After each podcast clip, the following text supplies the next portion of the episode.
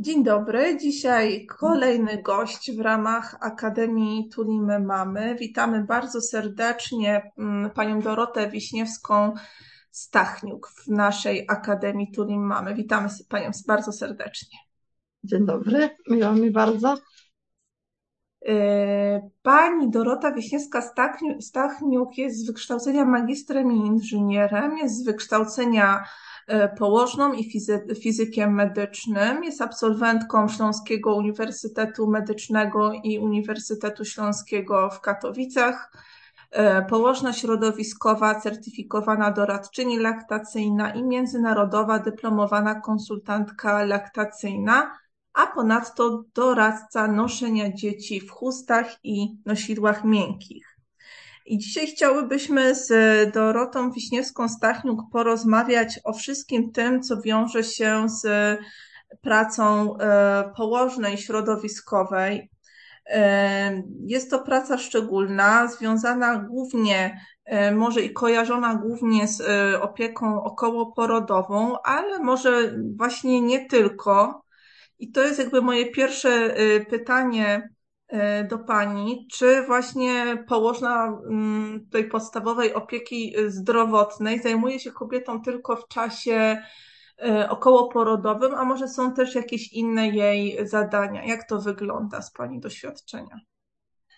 E, znaczy z doświadczenia głównie jest to taki, taka część okołoporodowa, ale jakby nie tylko związana z tą mamą po porodzie, czy tam w ciąży, ale też z noworodkiem, właśnie z laktacją, czyli laktacja nie jest tylko zarezerwowana dla CDL-i, tylko mhm. laktacja jest przede wszystkim rolą położnej, mhm. jako, jako po prostu położnej, mm, ale do roli y, położnej POZ-u, czy tam położnej rodzinnej, bo to zamiennie można tego nazywać, też można włączyć wszystkie elementy edukacji, ale edukacji y, i w temacie ginekologii, i onkologii, i edukacji na przykład samobadania piersi, y, wszelakie rzeczy związane też chociażby z nastoletnimi dziewczynami.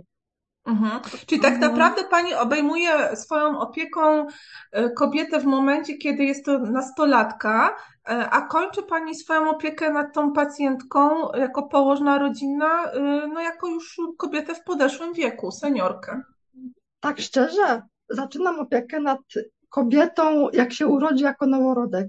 No tak, jasne. I tak się, tak się mogę opiekować tą, tym noworodkiem, niemowlęciem, tą dziewczyną, nastolatką, kobietą e, i później też kobietą w okresie senium, czyli ja ją mogę zaopiekować tak trochę y, łatwo to teraz brzmi, ale kompleksowo, mhm. czyli y, od, od okresu niemowlęcego przez dojrzewanie, dorosłość, prokreację, e, też takie dbanie o siebie około, y, około porodowo, ale tak samo mhm. wszelaką profilaktykę, czyli profilaktyka raka, szyjka maci, raka szyjki macicy, wszystkie cytologie, wymazy, mhm. mhm. Mm, jakieś tam badania przesiewowe, badania piersi, również w tym wszystkim jest antykoncepcja, wszystkie jakieś działania prokreacyjne, ale też zapobieganie ciąży. E, wszelaka nauka obserwacji cyklu, czyli wszystkie również teraz y, takie dość bardzo nam znane tematy problemów takich około około ginekologicznych młodych mhm. dziewczyn, tak bym to musiała nazwać. Mhm. Czyli mhm. Ale wróćmy jednak do tej opieki no. okołoporodowej i tutaj jakby mam kolejne do Pani pytanie, czy tą ciążę y, położna może prowadzić zamiast lekarza, ginekologa, położnika i w jakich przypadkach jest możliwe prowadzenie ciąży właśnie przez położną? Y, tak, położna może taką ciążę prowadzić, co lepiej może to robić w ramach NFZ-u. Mhm.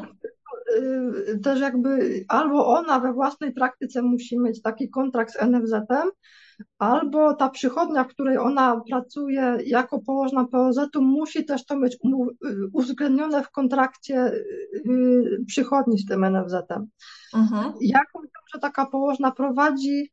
Wszystkie ciąże fizjologiczne, czyli jeśli nie ma jakichś chorób przewlekłych, mhm. jeśli nie ma jakiegoś stanu zagrożenia dla mamy, dla dziecka, jeśli, nie wiem, nie rozjeżdżają się nam jakoś wyniki, nie mamy jakiegoś nadciśnienia, takiego, którego troszkę się nie da opanować. Jeśli tam nam pojawia się cukrzyca lub wszelakie inne jakieś nieprawidłowości, które pozwalają nam sugerować, że ta ciąża niekoniecznie zaczyna przebiegać fizjologicznie, w tym momencie ciążę przejmuje lekarz ginekolog. Mhm, rozumiem. No, normalnie położna, jeśli prowadzi ciążę, y, też ma obowiązek w każdym trymestrze tą ciężarną swoją pacjentkę wysłać do tego lekarza ginekologa po prostu kontrolnie.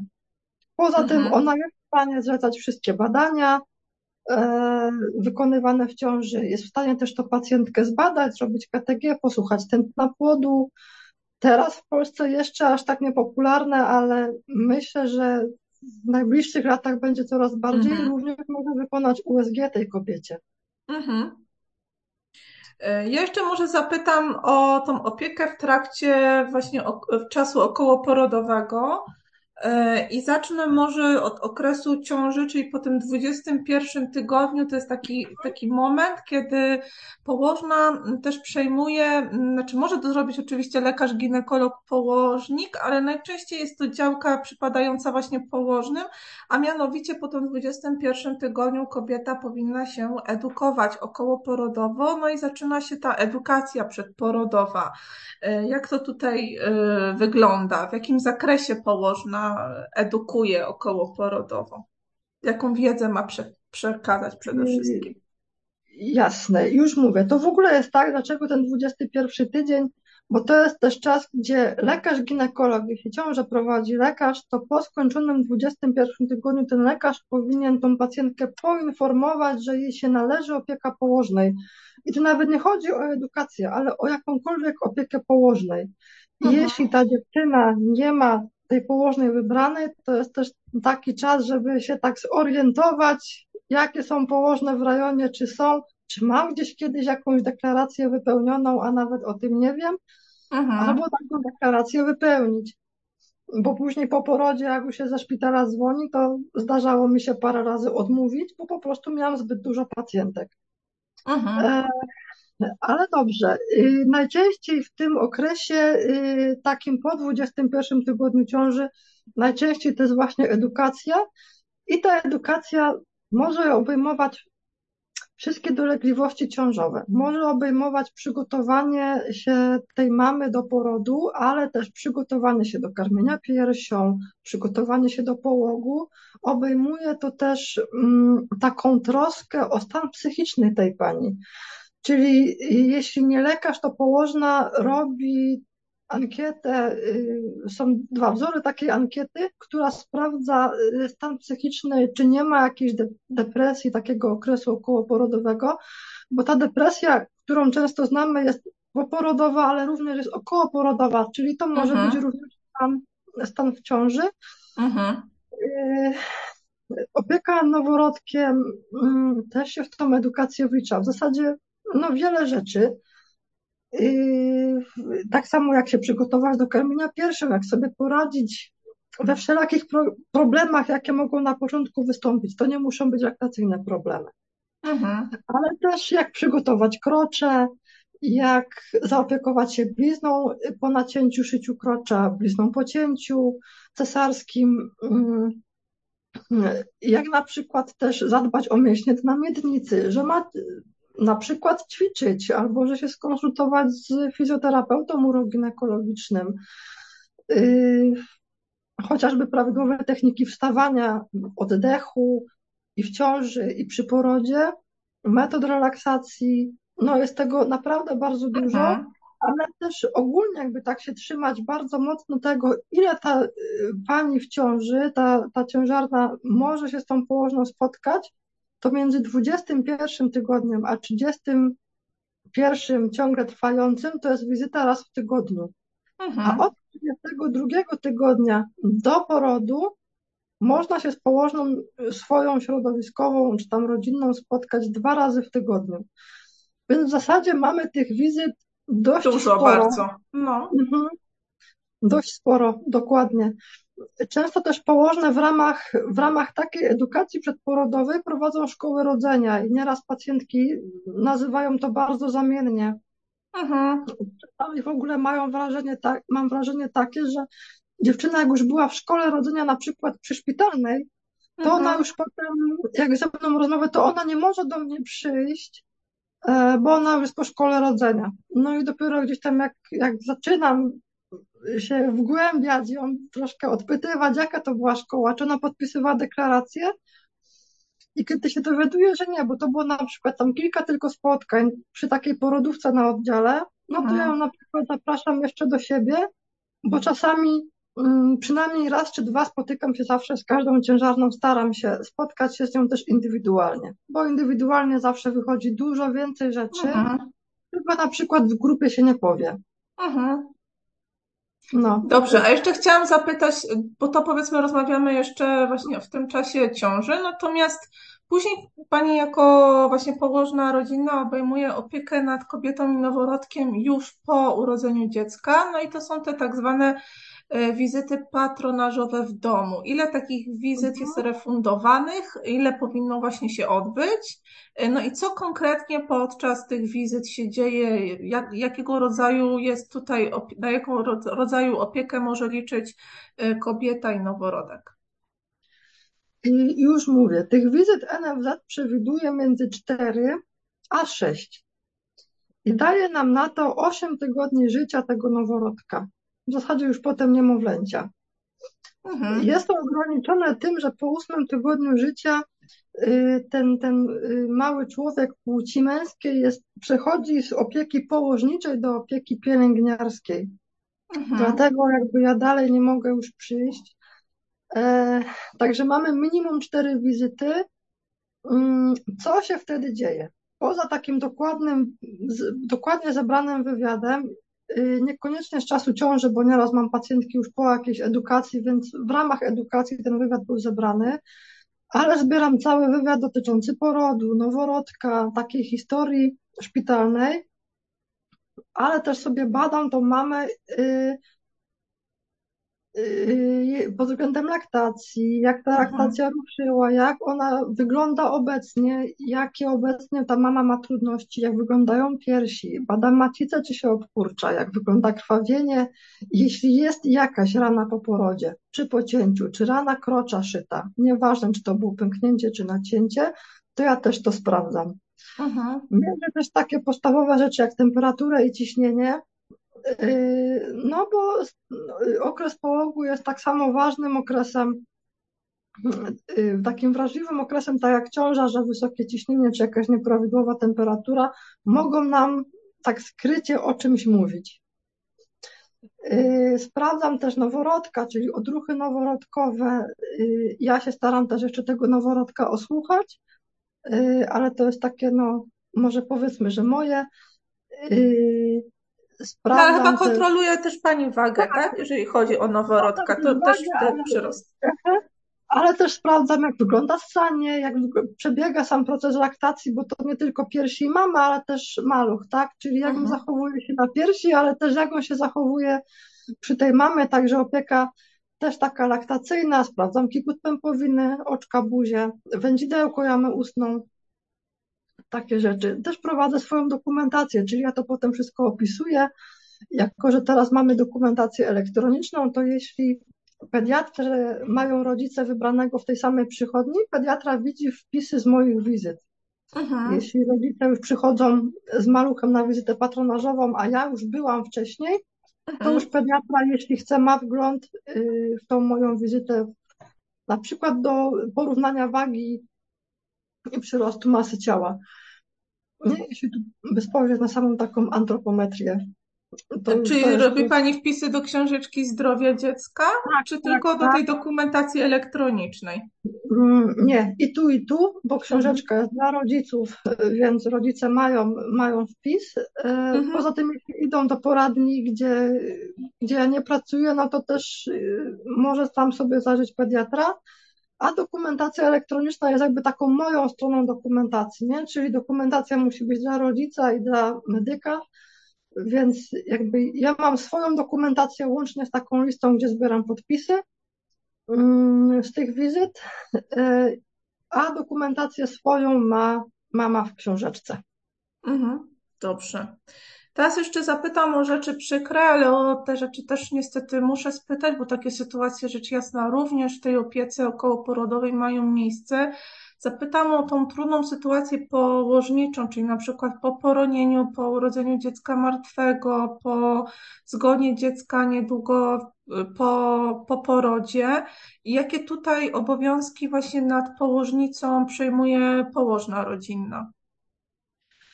Y, tak szczerze, y, mało mam takich przypadków i to głównie dlatego, że właśnie dziewczyny o tym nie wiedzą, co jest mi bardzo przykro. Mhm. E, bo, bo, bo, mają pewne prawa, tak? Mimo tego, tak, że straciły tak, dziecko. One mają, tak, one mają dokładnie te same prawa, które miałyby po porodzie. Czyli nieważne czy, y, jest to, czy ona ma to dziecko, czy nie, ona jest po porodzie albo po poronieniu. Więc ja tak samo mogę przyjść do niej do domu, normalnie na taką samą wizytę, na jaką mhm. bym przyszła po porodzie. Mhm. Czyli to było jakieś wczesne poronienie, to to jest głównie jakaś edukacja, wsparcie, ale też takie powiedzenie, co dalej. Chociaż mhm. w dużej mierze takie wsparcie dziewczyny już dostają w szpitalu, bo to jest też czas, gdzie one muszą podjąć tę, tą całą gamę trudnych decyzji, na przykład pochówek, niepochówek yy, tego, tego maleńkiego dzieciątka z poronienia. Mhm. Ale jeśli na przykład mam mamę z dzieckiem, które jest w szpitalu, które jest ojomowe, albo które mhm. y, było na przykład ciężko chore i zmarło, poza tym, że mogą być w opiece takiej hospicyjnej, hospicjum perinatalnego, gdzie mają też opiekę na przykład psychologa, mhm. E, no to ja jak najbardziej na przykład mogę się zaopiekować laktacją tej mamy. Mhm.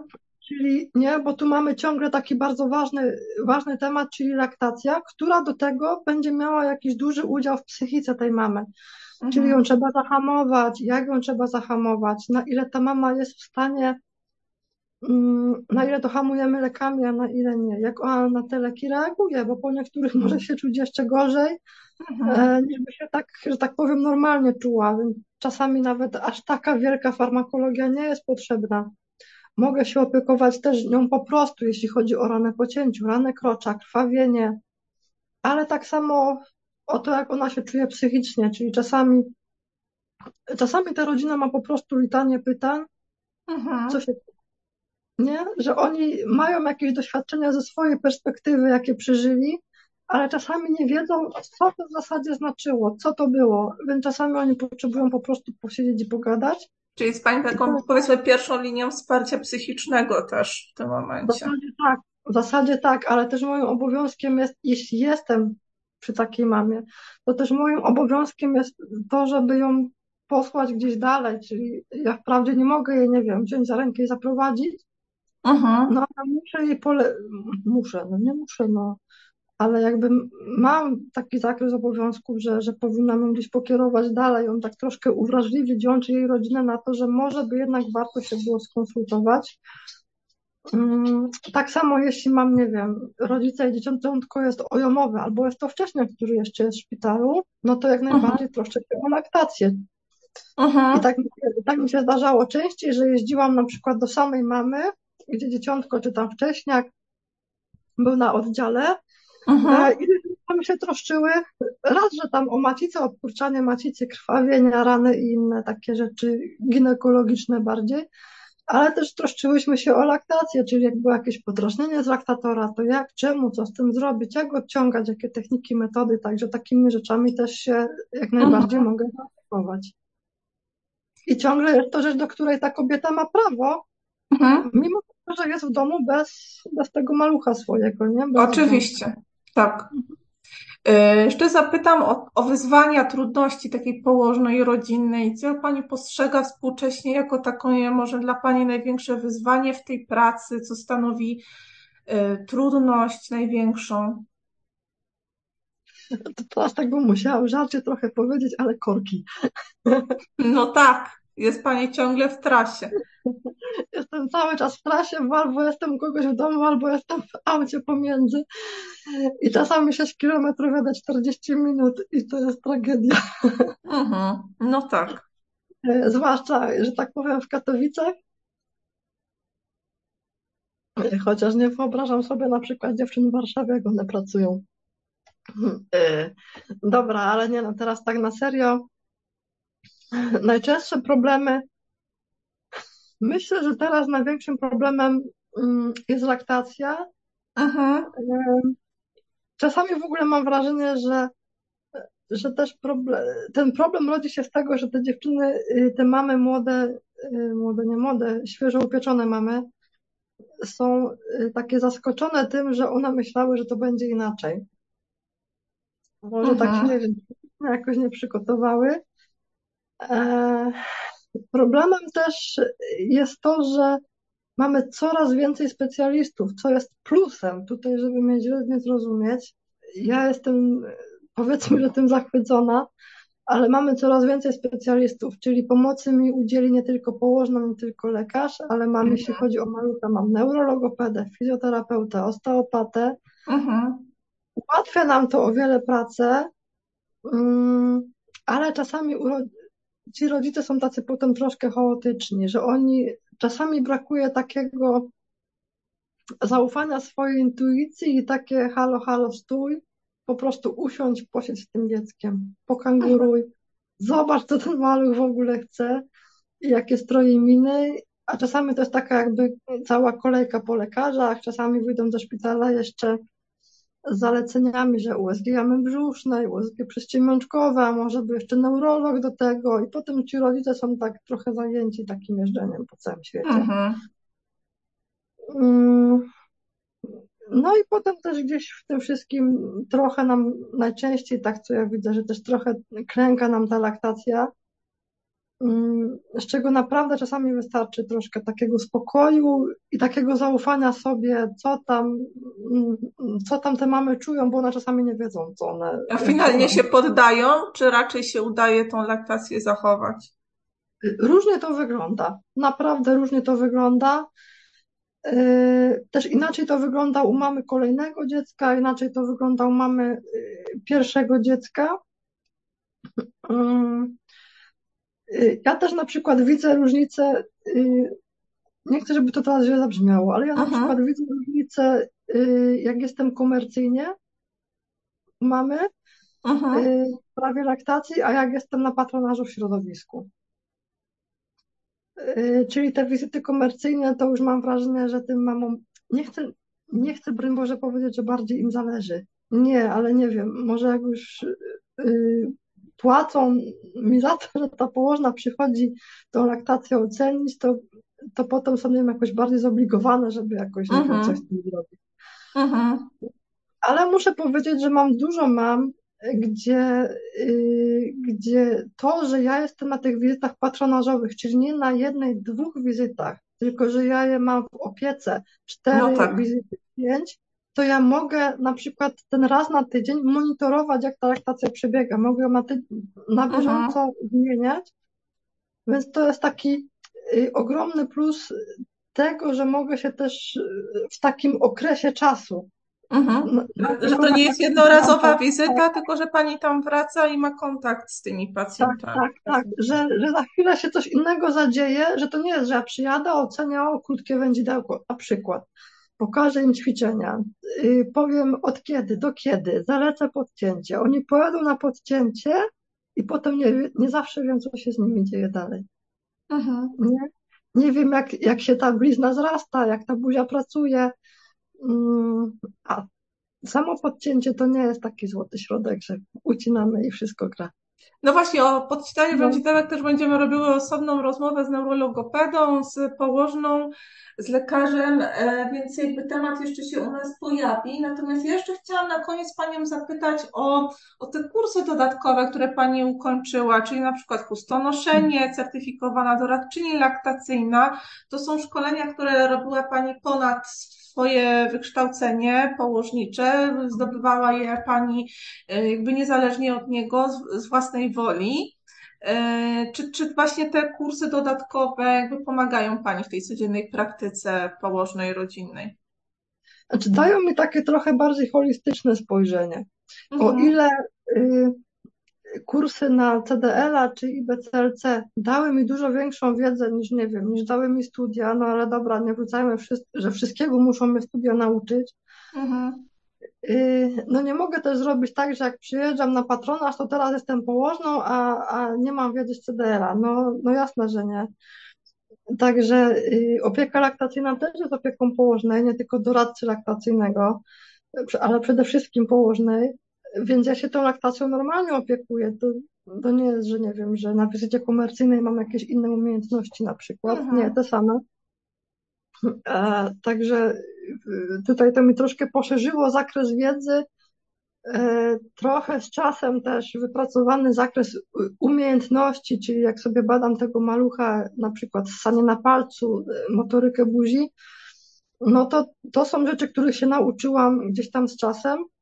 Uważam, że jest to bardzo, bardzo cenne, bardzo dużo mi to pozwala zadziałać jako taka właśnie pierwsza linia, czyli czasami już rodzice wychodzą ze szpitala objęci jakąś taką opieką i wiedzą, co się tam dzieje, na przykład w tej buzi albo z laktacją, ale czasami ja jestem dopiero osobą, która pierwsza wchodzi w ten temat, więc oni mogą zareagować teraz, a nie na przykład za trzy miesiące. Mm. A chustonoszenie? Wykorzystuje no, Pani chustonoszenie? Y, nie uczę. Nie uczę nosić w chustach w ramach patronażu, ale tutaj też, no nie czarujmy, trochę ogranicza mnie też czas. No jasne. Ale y, mogę tego użyć, jeśli nie wiem, mamy jakiegoś malucha kolkowego albo taki, który jednak potrzebuje bardzo tej bliskości, mhm. Mm, to mogę po prostu zaproponować y, tym rodzicom, ja tak po prostu rzucam, a rozważaliście chustę?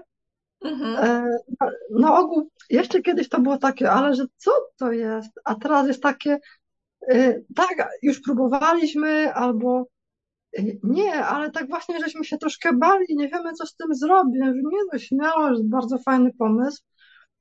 Mm, czasami jak mam jakieś podejrzenie, na przykład refluksu malucha, że, y, to mi się zdarza, żeby go jednak w tą chustę.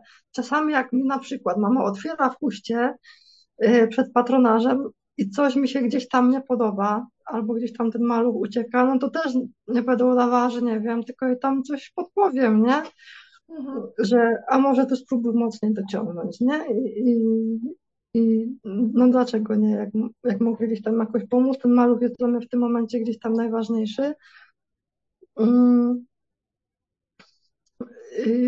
co jeszcze w temacie takiego, takich chust? Są też rodzice nadal, którzy w ogóle pierwszy raz o tym słyszą, też robią takie oczy wielkie, a potem na przykład im się pomysł bardzo podoba, nie? No bo jednak ma, ma te dwie wolne ręce, czego by nie miał yy, bez chusty. Pani Doroto, bardzo serdecznie Pani dziękuję za rozmowę. Mam nadzieję, że ona pozwoliła też naszym słuchaczom i słuchaczkom czegoś nowego się dowiedzieć, między innymi o swoich prawach też w tym sektorze, a jak usłyszałyśmy, są one całkiem e, spore. Bardzo dużo może nam pomóc położna rodzinna, więc szczególnie Pani dziękujemy e, bardzo serdecznie za poświęcony nam czas. Super. Ja również dziękuję.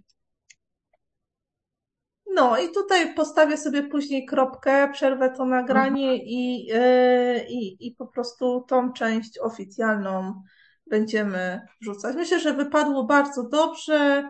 Szczególnie dlatego, ja to zawsze powtarzam, że my też nie rozmawiamy z Państwem o działkach, o których nie wiecie, jakby rozmawiamy o tym, o, o tej codziennej wa Waszej pracy ważnej, także Myślę, że wyszło to naprawdę fajnie i bardzo nam jest miło. Cieszę się. I te wątki, które Pani zaproponowała, jesteśmy jak najbardziej na tak i możemy je kontynuować następnym razem. Ja będę po prostu z Panią w kontakcie w tej sprawie. Jasne, jasne, nie ma problemu. Droga kontaktu dowolna to może być mail, SMS, y, WhatsApp, Messenger, cokolwiek. Wszystko Świetnie.